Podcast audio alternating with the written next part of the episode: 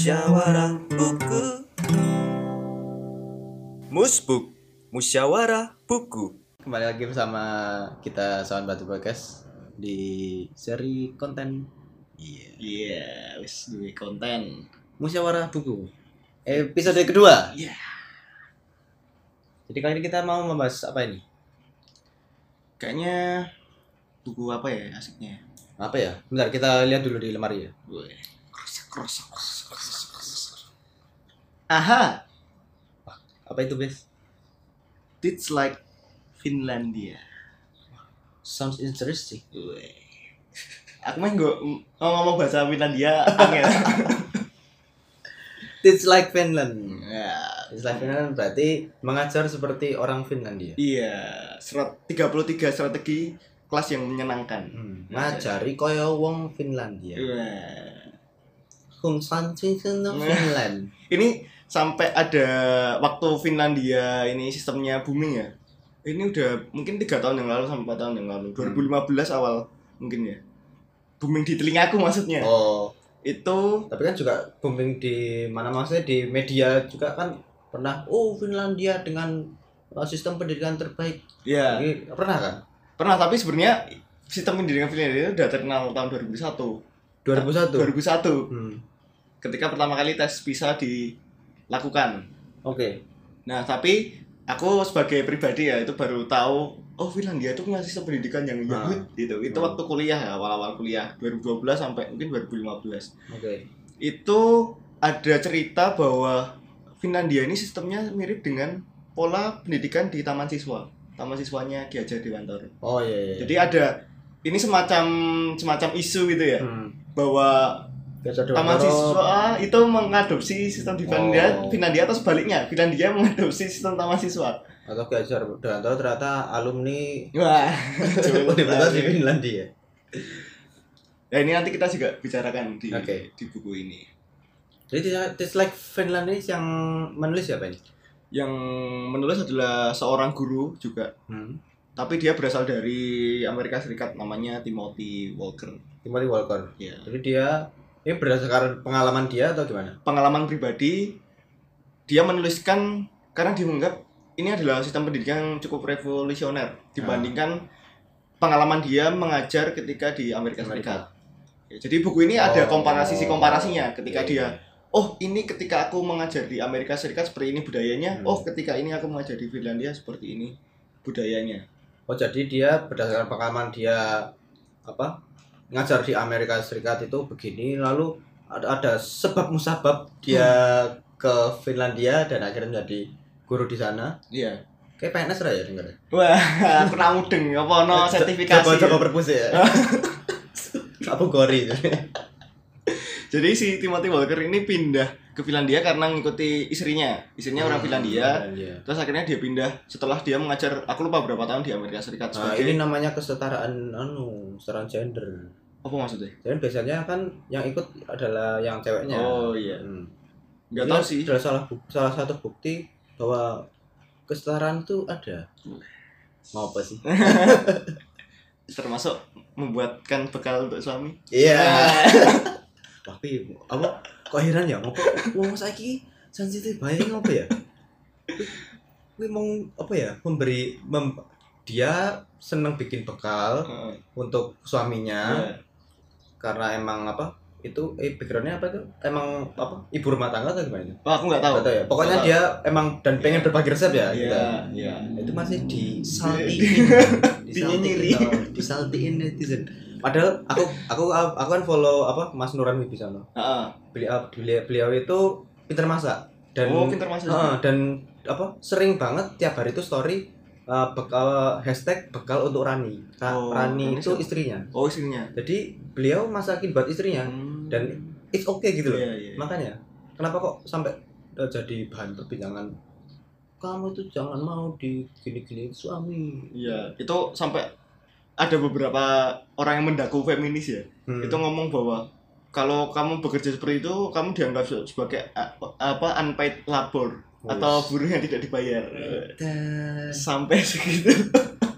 segalanya, segalanya dihitung dengan ya Materi. materi Padahal kan itu juga dia masikin suaminya sendiri. Makanya. Kecuali kalau dia masikin suaminya orang ya, Nah, itu ah, nggak apa-apa. kecuali Jadi- kecuali dia koki di rumah tangga orang lain nah, Nah. itu nah itu baru protes gak apa-apa Gak tau lah. Ya nanti kita asik seperti yang bahas Iya. sama fenomena-fenomena lucu di jagat dunia maya. Betul, Tapi betul. kita sekarang kita akan bahas dia apa Finland. si Timothy eh, ke Finlandia karena mengikuti istrinya Ya, lalu menetap di sana- menetap di sana tetap di sana. dan akhirnya berkarir di sana. di sana. Iya, berkarir di sana. Aku Dia belepotan ya.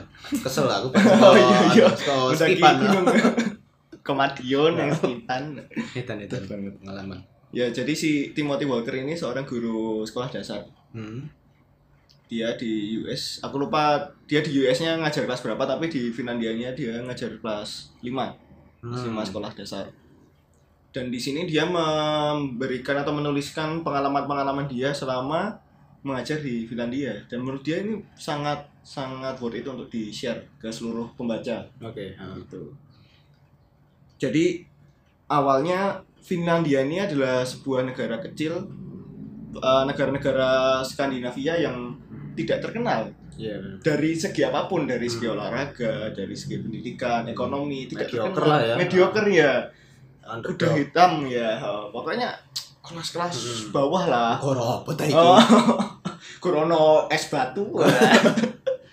Goro iki mau gawe eh, apa? Nokia. Nah, iya cuma Iya kan? terkenal karena Nokia ya. Aku juga tahunya Iya. Finlandia. Oh, anu yang Hmm. bikin produsennya Nokia gitu. Tapi nggak tahu kalau dia punya sisi-sisi lain yang ternyata sangat menarik Hmm. untuk dibahas. Nah, sistem pendidikan Finlandia ini terkenal ketika tes PISA pertama kali dilakukan di tahun 2001. Apa itu? Tes bisa. Tes PISA itu program of uh, science of assessment. Aku lali. Program of uh, pokoknya Bisa di googling. assessment gitu. Bisa di googling. Intinya- Bisa itu apa? Intinya adalah ini adalah sebuah tes massal Hmm. Eh, internasional Hmm.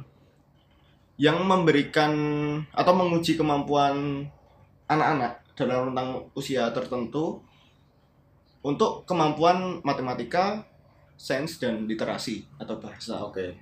Jadi, Jadi tiga, iya tiga fokusan ini yang diujikan di PISA atau dilihat sebagaimana eh, kita anak-anak kita menguasai tiga bidang itu sampai taraf mana sih orang-orang dunia satu Ah. dunia itu menguasai tiga fokusan ini. Hmm. Nah, tahu-tahu Finlandia ini seret Out of nowhere. eh ini bos kok ngendi tahu-tahu dia menangkring di ranking satu Wah, dukun iki dukun. perang dalam ya kan Elit global. global nah dunia itu kaget uh, Hmm. siapa ini gitu Oh, tiba-tiba ada negara Iya. begini? karena mereka pikir selama ini kiblat dari sistem pendidikan adalah negara-negara di Amerika ataupun di Eropa Hmm. itu ya US Ya, ataupun karena emang Jerman dari dan sejarah, Italia. sejarah juga ya secara para cendekiawan-cendekiawan juga Iya. berasal dari Eropa itu banyak. Iya, apalagi Renaissance juga awalnya berawal dari Yunani, kalau enggak Italia, ya kan? Dari Hmm. negara-negara itu filsuf-filsuf juga banyak terkenal dari sana. Hmm. Finlandia ini siapa? Iya, benar-benar. Tahu-tahu dia nangkring di sebuah apa Kompetisi namanya, kompetisi, ah, kompetisi internasional yang sangat besar. Tahu-tahu di ranking nomor Hmm. satu nih, ngalahin bahkan Jepang, Korsel semuanya Hmm. dikangkangin semua. Son Goku kalah ya, Son Goku. Wah, Son Goku juga kalah ini. Akira Toriyama oh kaget. Uh, komiku ini ber- harusnya orang-orang Jepang ini yang nomor satu gitu. Nah akhirnya para para apa namanya tenaga-tenaga pendidik terus peneliti itu Hmm. Akhirnya mencari tahu. dibanding, iya mencari apa? ah, anu, penasaran kok. curiga. penasaran, curiga, curiga kok. Kayak orang dalam. BTW Indonesia nomor piro ya iki? Apa ora melu ya, Dik? 2001 aku nggak tahu, aku tahunya Indonesia itu di waktu PISA ya tes PISA itu di Hmm. tahun 2012 dia menempati ranking 69 kayaknya dari Ambil 72 Itu bulan itu. Iya. Enggak apa-apa, enggak apa-apa. Indonesia pasti bisa. Yo yo ayo yo ayo. Terus fokus kita kejar dan raih bintang. Pasti bisa. Walaupun kita hanya unggul satu peringkat dari apa negara yang Afrika itu Botswana Botswana tentang literasi. iya tentang literasi Ya, enggak apa. Tahu, Ayo, ayo, ya, ayo. Kalau pada yang nggak ngah Botswana tuh negara mana sih? Pernah lihat God Must Be Crazy Kan Mas ya? pengen sih. Yang ketika dia tuh kejatuhan Coca-Cola. botol Coca-Cola dari helikopter terus orang-orang ini sampai bingung padu ya tuh. Gue ngepuki singkong awalnya tapi gue akhirnya gue tutut-tututan. Akhirnya dibuang ke ujung dunia. Wah dia tuh penganut berarti membuat film itu penganut teori bumi datar. Oh iya ya benar. Kan ada ujung dunia. Iya ya. Dan di di endingnya juga di ujungnya itu Ada terus ada awan Oh, gitu ya. ada awan. Bener. Oh iya. iya. Terus di awal sudah di aduh, sudah didoktrin sama elit Iya. global. Oh berarti itu sebenarnya film anu ya, film konspirasi. iya, flat earth society itu pasti bikin. Iya. Ah, terus waktu pada studi banding di sana, terutama si Timothy Walker ini ketika pertama kali datang ke sana itu juga penasaran nih Hmm. awalnya. Akhirnya dia itu eh, diskusi sama guru senior di sana. Hmm. Namanya Pasi Salberg. Si Pasi Salberg itu ngomong bahwa ada istilah empat sehat lima sempurna di Finlandia yang merupakan kunci dari suksesnya pendidikan Finlandia terutama di parameter-parameter yang diujikan oleh PISA. Oke. Nah, ini yang pertama adalah pendidikan sekolah di Finlandia menyediakan fasilitas pengembangan yang seimbang, menyeluruh dan berorientasi pada anak. Salah satu cirinya adalah semua mapel di sana itu jamnya itu sama. Jadi jam mata pelajaran musik itu sama Dengan banyaknya dengan jam matematika. Misalkan Nggak kayak di Indonesia ya. Nah, Kayak di Indonesia kan mungkin matematika itu 7 jam eh, mata pelajaran pada per seminggu. minggu, ya. Tapi kalau musik cuma satu jam Hmm. gitu. Kalau di sana enggak, kalau 7 jam. Ya, itu jam terakhir terus sing engko pokoke wis wis do rampungan ning ruang studio musik kabeh Iya. engko mbok meh meh mulih apa ora ya samu.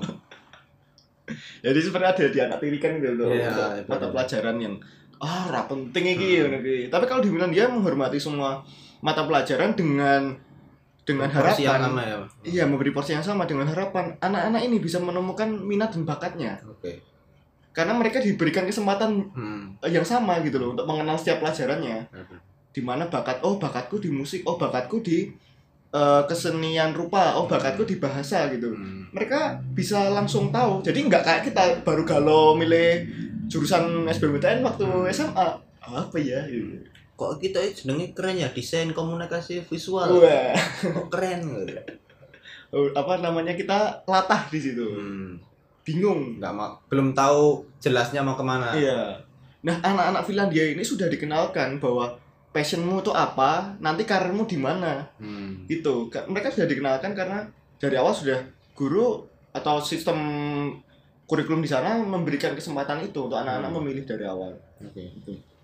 Nah, terus yang kedua itu pola pendidikan di sana itu bergeser dari basis menyimak dan ceramah itu ke basis penelitian. Jadi udah nggak jad- nggak- jadi guru itu udah nggak berdiri di depan kelas terus ceramah Hmm.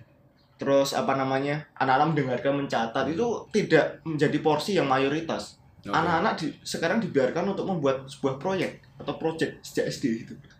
Oke. Itu gimana itu maksudnya dalam bentuk proyek maksudnya gimana? Misalnya kalau kita dulu ada pelajaran biologi membedah kata itu katakanlah kayak gitu ya. Hmm.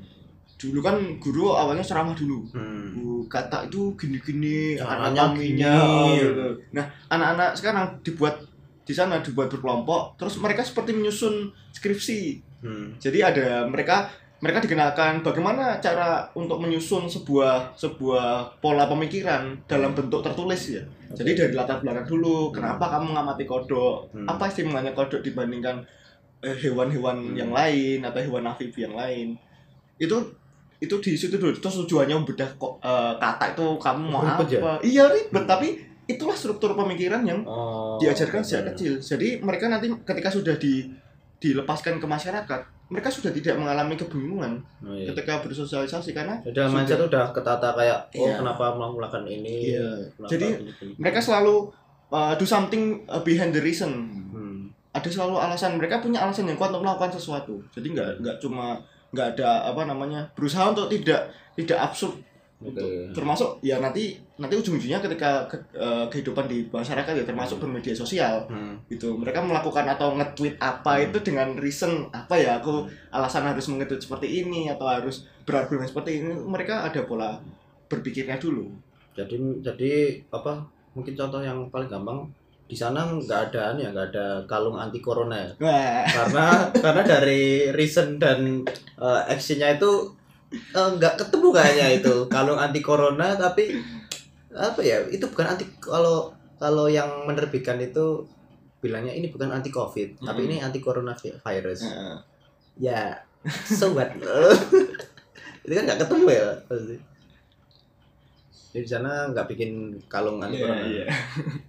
ini malah kayak ID card aduh ngantar Dan di sana itu eh, menyikapi tentang Covid ya, Covid-19. Ini ini sisi sisi lain dari pendidikan Finlandia. Kepercayaan masyarakat pada pemerintah itu di sana surveinya adalah 81%, di mana itu sangat tinggi, tinggi ya sangat tinggi. Karena mereka percaya dengan apa yang dilakukan pemerintah itu sudah eh, termaktub atau mereka tuh merasakan ketika mereka duduk di bangku sekolah oh. bahwa pemerintah tuh sangat peduli dengan mereka rancangannya Hmm. untuk pendidikan-pendidikan dasar di Finlandia itu sangat tertata dan Hmm. sangat saintifik Hmm. dan mereka percaya bahwa nanti di pemerintahan pemerintah akan melakukan yang sama oh, iya, seperti tahu, mereka ya. guru-guru mereka mengajar Iya. mereka di, eh, di Ah, mereka sebelumnya juga dididik dengan cara yang dengan cara yang itu Hmm. gitu jadi mereka percaya wah Hmm. pasti pemerintah melakukan ini dengan dasar saintifik dengan Hmm. dasar basisnya penelitian Hmm. gitu jadi sana sangat tinggi Eh, wah aku percaya ya Hmm. gitu. jadi nggak ada nih eh, apa namanya ya tadi tahu ada kalung anti corona terus tahu ada oh Indonesia apa negara kita tuh kebal karena sudah makan Susu nasi kucing susu kuda liar. Aduh. Di- di- nah se- semua pengajar di sana itu harus lulus magister atau S2 Oh, di gitu. Finlandia karena Walaupun SD. Walaupun? SD. Walaupun SD. walaupun SD Gitu. harus S2 minimal karena kembali lagi guru itu harus bisa secara kolektif itu merancang pendidikan di sana di kelasnya itu dibebaskan cara kamu mengajar Hmm. terus kurikulum nanti yang kamu buat di kelas terus fokusan-fokusan pelajaran apa yang akan kamu tata itu dibebaskan setiap guru jadi S2 itu dianggap karena mereka sudah bikin tesis yang mana mereka sudah melewati basis penelitian yang bermacam-macam sejak sarjana maupun eh, magister Hmm. kan dianggap sudah mampu merancang pendi- eh, pola-pola pendidikannya sendiri dengan Oke. auto dengan otodidak dengan individu Hmm. ya gitu jadi kemampuan individumu memang harus minimal Oh, iya. secara sistemik itu sudah menguasai gitu loh. Iya, betul, betul. Walaupun nanti mereka ketika mengajar itu sis- eh, sistemnya adalah kolaborasi Hmm. dengan dengan guru-guru yang lain. Iya. Sampai di sana itu bikin ini nanti yang ketiga itu mengembangkan mekanisme permanen demi mengamankan dan meningkatkan kesejahteraan dan kesehatan siswa. Nah, mereka itu sampai bikin tim kecil gitu ya. Setiap Mhm. setiap kelas misalnya kelas 5 nih. Kelas 5 ada beberapa kelas. Itu guru-guru guru-gurunya bikin kelompok kecil Hmm. di mana isinya adalah guru guru kelas 5 SD itu Hmm. ditambah dengan ahli gizi, ditambah dengan ahli psikologi dari luar mereka manggil Itu manggil baru. orang.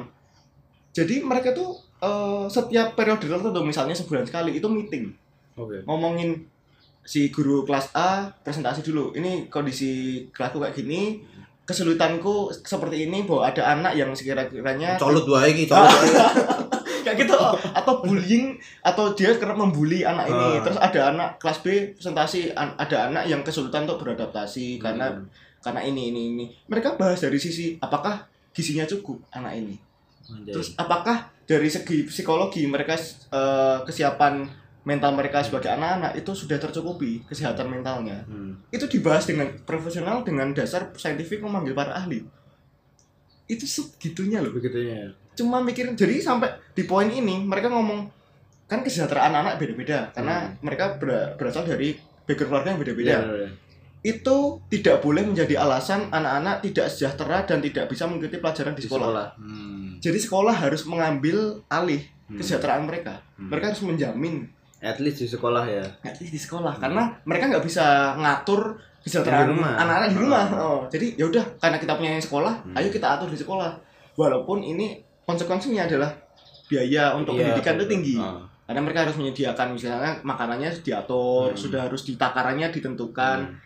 memanggil ahli kan bayar juga kan. Hmm. Nggak kayak gini konser amal, konser amal ngono kuwi. Wes masa sulit nih wah konser Iya. amal terus. Nanti duit kon ngamal. Iye.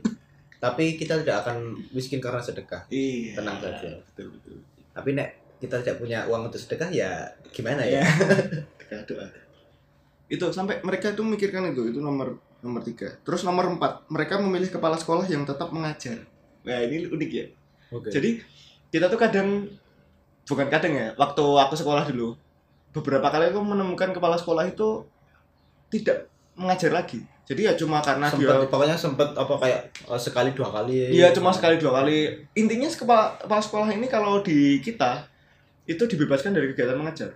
Hmm. Setauku, setauku ya. Ini disclaimer. Mungkin kalau teman-teman nanti yang profesinya guru Hmm. atau kepala sekolah, pakainya kepala sekolah terus terima, Oh. nggak apa-apa disampaikan. Tapi hujat aja sepengalamanku, kita hujat kita pengalamanku ketika menjadi siswa itu selalu kepala sekolah kayaknya kok tidak sering mengajar ya atau tidak punya punya jam mengajar sendiri Malah seperti guru-guru lain. malah seperti manajer dari Ah, sekolah iya seperti ya. manajer tapi di Finlandia malah harus tetap mengajar karena Hmm.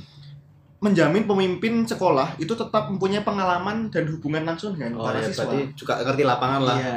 Jadi nek misalnya nanti memberikan saran atau kritik ke guru-guru yang lain Hmm. itu tetap make sense karena sesuai masih relate Hmm. dengan pengalaman dia atau mengajar. memutuskan kebijakan Iya gitu. betul betul itu. Nah itu empat sempurna. Nah Hmm. lima sehatnya ini adalah eh lima sempurnanya adalah kegiatan di luar sekolah itu yang menunjang terutama kegiatan ekstrakurikuler kegiatan komunitas-komunitas pemuda itu sangat sangat disarankan di Finlandia untuk diikuti oleh para anak didiknya atau peserta didiknya oke gitu jadi kegiatan-kegiatan pemudaan pramuka Hmm. terus kegiatan komunitas di luar komunitas misalnya komunitas Wibu-wibu. wibu gak apa-apa di sana Hmm. di sana ikut atau mereka bikin ada komunitas untuk adu cupang. Pokoknya komunitas macam-macam lah boleh. Paling nggak minim at least ikut kelas satu atau dua gitu. Karena di situ melengkapi keplek tora lah keplek tora Oh, Yang Finlandia Finlandia no.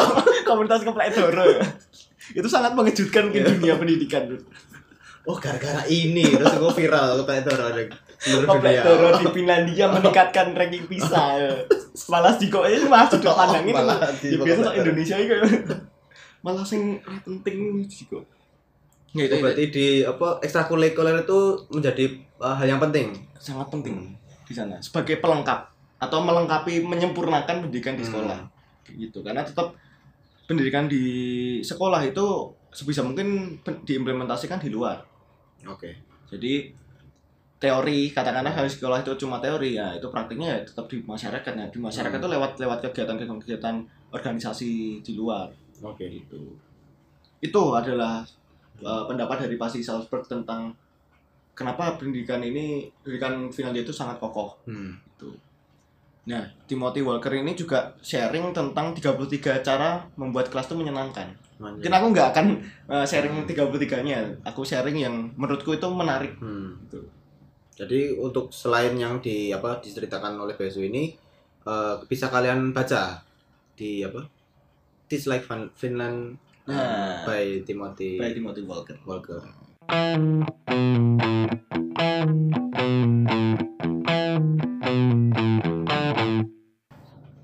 Pertama, pertama cepat. Wah, ada tuh. Apa jenenge mencengak. Pasti apa? Cepat.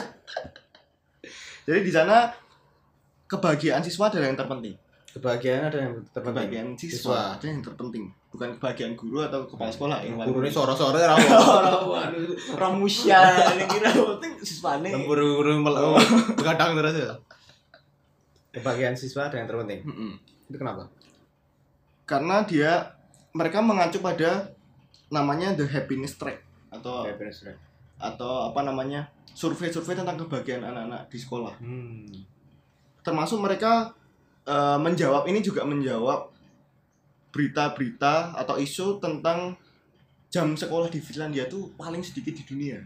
Oh iya. iya. Sebenarnya secara harafiah pendidikan di Finlandia tuh jam sekolahnya tuh sama dengan kita. Hmm, jadi Katakanlah masuk Masuk jam 7, pulang jam 3 Hmm. kayak gitu ya. Cuma yang bikin jam pelajaran itu sedikit itu adalah masalah pengalokasian waktunya. Oke. di mana kalau kita ya sekolah itu jam istirahat cuma jam 9 sampai jam 9.15 Hmm. terus nanti jam makan siangnya yang isoma Ya, Itu setengah 12 sampai setengah satu katakanlah Hmm. gitu di Finlandia mereka istirahat setiap 45 menit pelajaran Istirahat setiap 45 menit per- pelajaran. maksimal pemberian pelajaran dalam satu kali eh, waktu itu ada 45 menit. Misalkan apa pelajaran matematika Ya. itu berarti 45 menit habis itu istirahat. Istirahat 15 15 menit, menit. sampai 30 menit nanti pelajaran lagi. Oh. Kayak gitu. Jadi Oh, iya. mereka tuh dalam 7 jam di sekolah itu enggak enggak full 7 jam. Jadi Hmm. ba- setiap lima- tiap 45 menit subjek ya, pokoknya tiap subjek Iya, dia setiap subjek dia istirahat. Dia istirahat. istirahat kayak gitu. Pokoknya setiap 45 menit pelajaran terus istirahat. 15 menit. Jadi intinya memberikan jeda waktu untuk istirahat. Itu pun acuannya adalah hasil penelitian. Oke. Yang nama yang nama lagi yang mana yang mana Dari tulis tulisannya Raja Doi. yang mana judulnya penelitiannya adalah Research Its Role in Education and Development yang ditulis oleh Anthony Pellegrini. Hmm. Oh, pelatihnya Madrid dulu. Wah, Oh, Manuel itu Manuel Pellegrini, Cok. Jadi dia menuliskan di sini kesimpulannya adalah Anda perlu memberikan jeda istirahat pada otak agar informasi dan pengetahuan itu bisa dirangkai dengan baik. Hmm. iya, Kadang kan kita Oh, Menerima iya. pelajaran itu kan banyak sudut pandang ya. Hmm. Nah, kita Penuh. harus ber- penuh, otak itu penuh dan butuh waktu sebentar untuk berhenti. Hmm. Itu untuk memberikan kesempatan anak-anak untuk coba menyambungkan. Hmm. Oh, ini Merangkai. hubungannya. Hmm. Nah, itu kan kunci dari pendidikan kan. Benar-benar. Dia itu member- menyambungkan atau ada korelasi antara Hmm. A dengan B. Hmm. Bisa siswa-siswa itu bisa menghubungkan Hmm. fenomena fenomena yang berbeda-beda. Hmm. Ya pokoknya input informasi tadi dirangkai oh ternyata misalkan satu tambah satu sama dengan oh satu tambah satu itu sama dengan dua karena misalkan satu apel tambah satu satu apel jadi dua Iya, apel gitu. kayak gitu. Hmm. itu harus jeda sendiri. Nah kalau kita kan 45 menit langsung ganti Hmm. guru katakanlah langsung Ya, guru langsung lebu. pelajaran lagi. Iya. Oh, jam jam songo istirahat lima lima menit tunggu sholat duha tok. Ora iso jajan. Oh, oh bisa jajan, raiso gosip, raiso Oh, berarti ini- futsal. Ini se apa? Selaras dengan yang pernah di aku nonton di apa? Di Tunai waktu itu Hmm. bintang tamunya Ernest. Oh, Ernest Prakasa. Jadi dia itu menulis materi itu maksimal itu satu jam. Hmm. itu setelah itu bakal nggak efektif. Jadi Hmm. misalkan jadi dia menulis materi itu selama sejam habis itu dia lebih pilih setelah itu eh, istirahat atau ngapain lah. Pokoknya nggak men- nggak menulis. Jadi ya, karena itu karena menurut dia ya paling efektif untuk berpikir itu ya satu jam. Ya, Gitu. setelah itu harus Hmm. harus refreshing ya. Hmm, harus refreshing. Benar-benar. Itu itu Fin- Finlandia menerapkan itu. Dan dijadikan kebijakan. Jadikan kebijakan. Hmm, Harus di sana. berdasarkan penelitian. berdasarkan penelitian. Ini yang membuat aku kagum dari Finlandia bukan nah, setelah membaca selesai membaca Hmm. buku ini ada adalah kefanatikan mereka eh, mengambil dasar-dasar penelitian dan sains itu untuk menjadi pondasi menentukan dan menuliskan kebijakan Hmm. atau melaksanakan kebijakan itu dasarnya adalah penelitian dan sains. Hmm. Sains dan teknologi itu jadi basis yang paling kuat. Kalau nggak make sense secara penelitian nggak akan mereka lakukan Hmm. kecil gitu getolnya mereka sampai kegiatan atau kebijakan-kebijakan yang remeh menurutku. Salah satunya ini, mereka menerapkan kebijakan belajar sambil bergerak atau finish uh, move on the school. Finish school on the move maksudnya. The Wale-wale. school. Wale-wale. Finish school on the move. Jadi mereka sebisa mungkin memberikan kesempatan anak-anak didik ini untuk bergerak sambil belajar. Oke. Contohnya, mereka ketika pelajaran itu ada tugas, misal tugas kelompok. Hmm. Terus nanti tugas-tugas kelompok ini diwujudkan dalam kertas A3 gitu ya atau kuarto besar Hmm. nanti ditempelkan gitu terus ditempelkan di dinding kelas. Nah, Hmm. nanti anak-anak ini akan presentasi sambil berputar. Oke. Jadi ada misalnya ada tiga kelompok nih. Hmm. Nanti kelompok satu dinding sebelah utara, Hmm. yang kelompok dua di dinding sebelah selatan. Nah, presentasi kelompok satu anak-anak itu harus mendekati Betul, kuartonya ke utara dulu jalan dikit dikit Hmm. kan jalan tuh terus nanti oh udah selesai Oh. terus nanti jalan lagi gerak ke Pokoknya menstimulus si murid-murid ini biar bergerak. iya Hmm. gitu terus karena ini apa namanya berpengaruh juga apa namanya biar mereka nggak bosan dan nggak jenuh. Hmm. jadi ada gerakan terus mereka juga darah darah itu bisa lebih lebih Oh iya iya. lancar mengalir karena ketika mereka bergerak kayak gitu. Terus uh, menyisipkan pelajaran-pelajaran yang sifatnya dramatikal di kelas terutama di pelajaran yang bahasa atau pelajaran pelajaran humaniora. Hmm. mereka tuh mendramakan itu. Jadi mereka Oh. bergerak tetap bergerak. Terus mereka ada beberapa Satu ditambah satu. Kedua. Kali lima kali lima. terus mereka menempatkan beberapa meja kayak meja bar itu Hmm. nggak ada kursinya itu di beberapa sudut kelas Tapi ada bir-birnya. Eh, ada kan ada orang tua nih orang tua. ya kan kunci dari kesuksesan kita adalah sungkem pada orang tua Hormat pada orang tua. terhormat pada orang tua itu itu menarik Hmm. buatku terus yang selanjutnya itu adalah menyederhanakan dekorasi kelas jadi nggak ada tuh mereka ada pilok atau Oh, mural malah disederhanakan. disederhanakan Oh. itu nggak tahu ya mungkin Oke, tapi kok kok biyen ade semansa malah kon Oh, menghias. rame, iya toh. Wah, Pak Taib nih ya. terus sampai mereka itu juga mengatur suhu ruang kelas Manjay. jadi kalau menurut penelitian itu suhu yang paling optimal untuk belajar otak itu bisa menerima pelajaran dengan baik itu suhunya 19 sampai 24 derajat ada batu. Heeh, ya karena mungkin di sana Oh negaranya iya sih. negara juga negara dingin ya. Oh, kan juga eh, hangat ini. juga. Iya, kan hangat ini kalau ini kan mereka mungkin Oh, bisa iya, di iya. minus 10 derajat kalau di Hmm. Finlandia. Kayak gitu. Kan Indonesia kuwi sudah sarungan ya. Oke, tendo, kayak api unggun. Kamu jaket itu. Kenapa kamu kenapa kamu pakai jaket? Kedinginan, Pak. Ya udah. Kok kamu desa? Oh, desa Aceh. di Pace. Wah, Bapak ini nggak tahu penelitian orang Finlandia. Nah, itu. Nah, tapi ada beberapa poin yang aku jadikan hmm, jadikan pak acuan bahwa kita nggak bisa semata-mata mengadopsi sistem Bener. apa pun itu Benar. sistem termasuk sistem pendidikan atau sistem ekonomi ke, ke negara kita Karena backgroundnya juga beda, Backgroundnya- kondisi geografi iya beda. budaya juga beda budaya ini salah beda. satunya di sana itu ada peraturan untuk menjaga tingkat kesenian kelas Manjay. kui di kui diatur cok jadi eh, judul rubrik ini di buku ini adalah menjaga kedamaian kelas di Finlandia itu dikondisikan untuk tenang Berapa desibel? Apa? Jojo ngomong desibel aku mungkin ada itu rana rana rana desibel nggak ada yang ngatur ya gitu. cuma mereka memberikan parameter apa indikator kelas ini rame apa indikator kelas ini sepi atau senyap. Itu Ah. ada tapi bukan sampai desibel ya. Nah, cuma kesepakatan bersama. Betul. kalau bunyinya sampai gaduhnya seperti ini itu rame. Hmm. bunyinya seperti ini sepi. Itu Oh, kesepakatan disepakati disepakati bersama. kayak gitu. Jadi tetap ada parameternya. Hmm. dan itu pun aturan itu dibuat bersama-sama satu kelas. Jadi nggak guru bikin peraturan Hmm. oh kowe kudu kamu harus ikut peraturanku. Enggak. Ratu rame-rame gue. ya Soeharto jadi nggak ditakur Aturan. kayak gitu. Jadi kita ayo anak-anak kita bikin kelas ini senyap ke kelas ini tenang untuk kita belajar. Terus ayo kita bikin kalian bikin berkelompok silakan didiskusikan peraturan yang kalian akan Hmm. ajukan. Nanti berdebat di kelas itu. Kayak gitu. Nah karena apa? Ini pun dasarnya adalah kebudayaan. Hari kemerdekaan di sana itu dimaknai dengan mematikan lampu menyalakan lilin dan mengenang jasa dari para pahlawan jadi ada kayak kalau kita at hour gitu loh Ah. ada jam di mana kita mati Kalau 17 nyepi.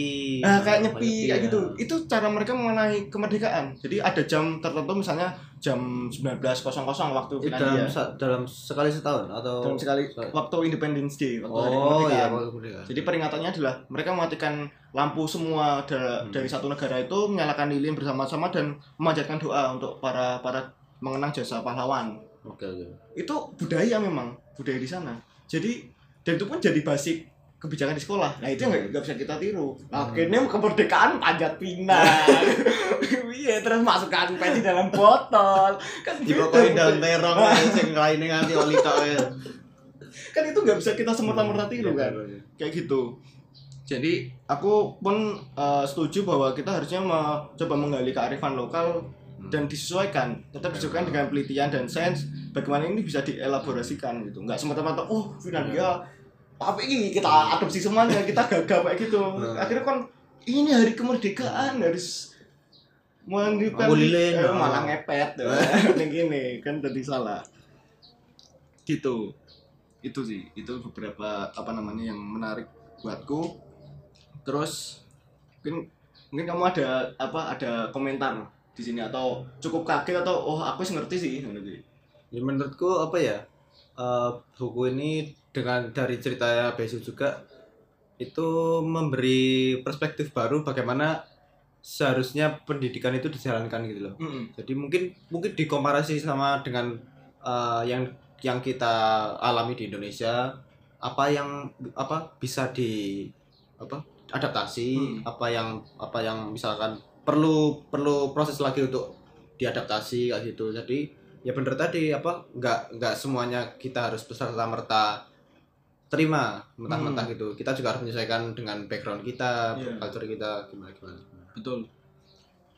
Tapi ini jadi apa ya emang apa karena mereka memang sampai bisa di- dikenal seluruh dunia karena pendidikannya.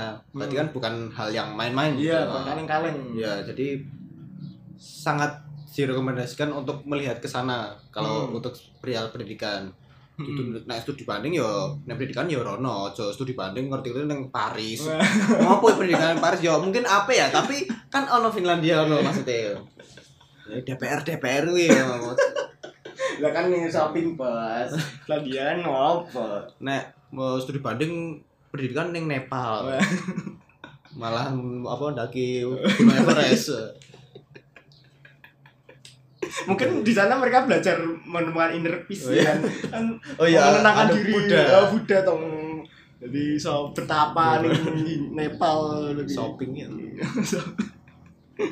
nah terus sama ada catatan yang paling menarik lagi selain se- eh, menyimpulkan sebenarnya menyimpulkan dari buku ini adalah tugas seorang guru atau tugas seorang pendidik adalah mempertemukan antara minat dan bakat si- bakat siswa itu Hmm. dengan kurikulum oke nyambungkan minat dan bakat siswa dengan kurikulum bukan sebaliknya Hmm. bukan nyambungkan kurikulum kamu bikin kurikulum dulu terus kamu baru paksakan oh, Oh. karena kurikulum seperti ini kamu minatmu harus seperti ini gitu enggak Oh, iya. kebalik jadi kalau kamu misalnya sukanya sepak bola guru itu gimana caranya berpikir harus bisa mensinkronkan antara sepak bola dengan fisika atau Hmm. sepak bola dengan sejarah kayak gitu. Jadi Oh, berarti- mereka berpikir kebalik. berarti tiap tiap apa ada murid baru gitu maksudnya tiap misalkan dalam satu tahun gitu Mm-mm. berarti kurikulumnya bisa berubah terus? Bisa berubah. Menyesuaikan murid-muridnya. iya. Menyesuaikan muridnya. Oke. Jadi eh, kecenderungan siswa kelasnya itu minatnya ke mana terus background mereka seperti apa hobinya apa Hmm. itu semua dipikirkan. Jadi murid oriented ya jadi Murid oriented. Hmm, ini yang menarik. Jadi kayak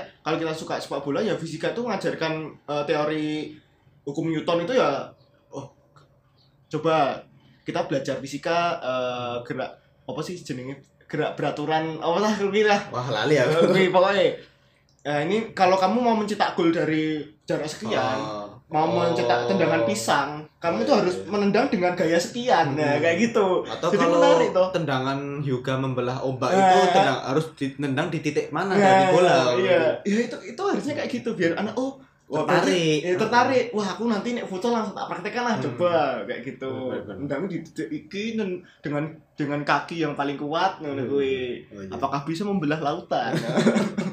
keluar macannya Aing macan.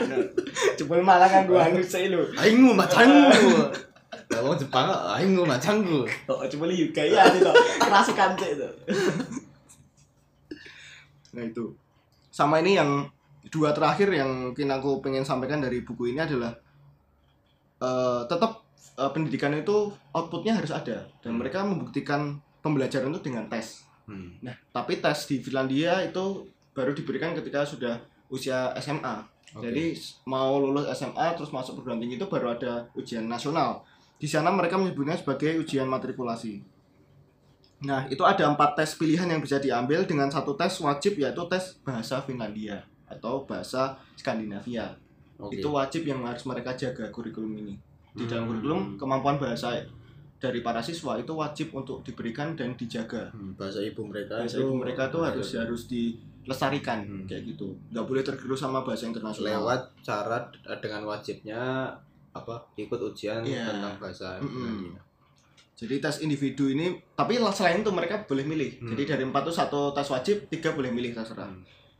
Menariknya tes di sana itu adalah isei Hmm. isei bentuknya nggak pilihan ganda kayak Hmm. sekarang jadi nggak bisa cap cip cup cap cip cup oh deh berarti terus ngitung kancing Kancing, kandi nah bingung apa ya Oh, satu, dua, tiga. Nera ngitung Itu petamku. Oh, ngitung jeneng kok. Kaisan Muhammad. Oh, anu enam berarti A B C D E E A B C D A B Oh, Oh. Ya, nggak bisa kayak gitu di Iya. ya. Jadi modelnya adalah isei Hmm. Dan ini isinya itu pun tidak hafalan tapi kembali lagi karena mereka tadi sudah berkomitmen untuk uh, menjadikan kelas itu tidak teacher oriented tapi basicnya adalah penelitian atau orientasinya adalah penelitian Hmm. mereka pun tes kan uh, berikan itu waktu tes Hmm. di IC.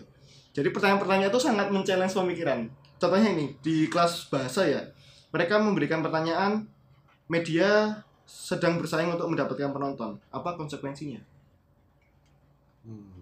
Iya. pusing ra to Iya, kowe mek mek anu alah Langsung- tuwas ngapake Hmm. hukum Newton tapi emang kuwi mesti juga langsung men-trigger juga sih kayak apa konsekuensinya kuwi hmm, itu Hmm. pas pas langsung me- langsung apa menyusun uh, pola pemikiran uh, oh media media itu gini gini gini, Hmm, gini. hmm, hmm. misalkan dia gini gini akan gini gini gini iya hmm, dan dia harus menjabarkan di situ di ujiannya itu ya hmm kayak gitu terus ada tes lagi di soal pendidikan kesehatan tuh apakah dasar dari rekomendasi dia di Finlandia? Dan apa tujuannya? Gimana gimana? Apakah dasar rekomendasi diet di Finlandia? Dan apa oh sih ini salah, tujuannya? salah satu contoh. Salah satu contoh Hmm. lagi soalnya kayak gitu. Hmm. jadi mereka harus men- menjabarkan dulu nih. Oh diet Finlandia itu apa aja? Diet Hmm. karbo diet OCD diet mu- eh, duet lagi ya. diet mut mute eh, terus diet mangan mangan suket eh, katakanlah dan apa sih sebenarnya tujuan dari semua diet Hmm. Finlandia ala Finlandia ini mereka harus mengkritisi itu hmm. itu coba untuk ada kritisi mungkin mereka juga bisa mendukung diet-diet itu Hmm. tapi terserah siswanya aja Hmm. nah nanti baru penilaian eh, baru mereka menuliskan dalam selembar folio dawa kuwi dan itu yang akan mengapa dinilai. bumi berputar Iya, mengapa langit eh? Bintang bersinar. mengapa bintang bersinar? Mengapa air mengalir? Iya. mengapa dunia tet, tet, tet, tet, dia pikir. Untuk mati Serina ayu banget lagi. Apa? Serena Munaf. Oh iya. Banget tapi bar karo Radita Dika kayaknya jadi rayu. Iya sih. Jadi Dika sih. Tapi iya sih.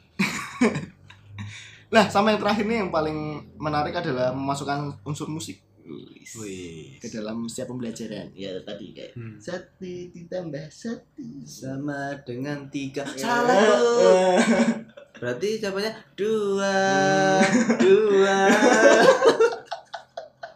Jadi tektokannya itu malah dari lagu kan menarik ya lucu ya.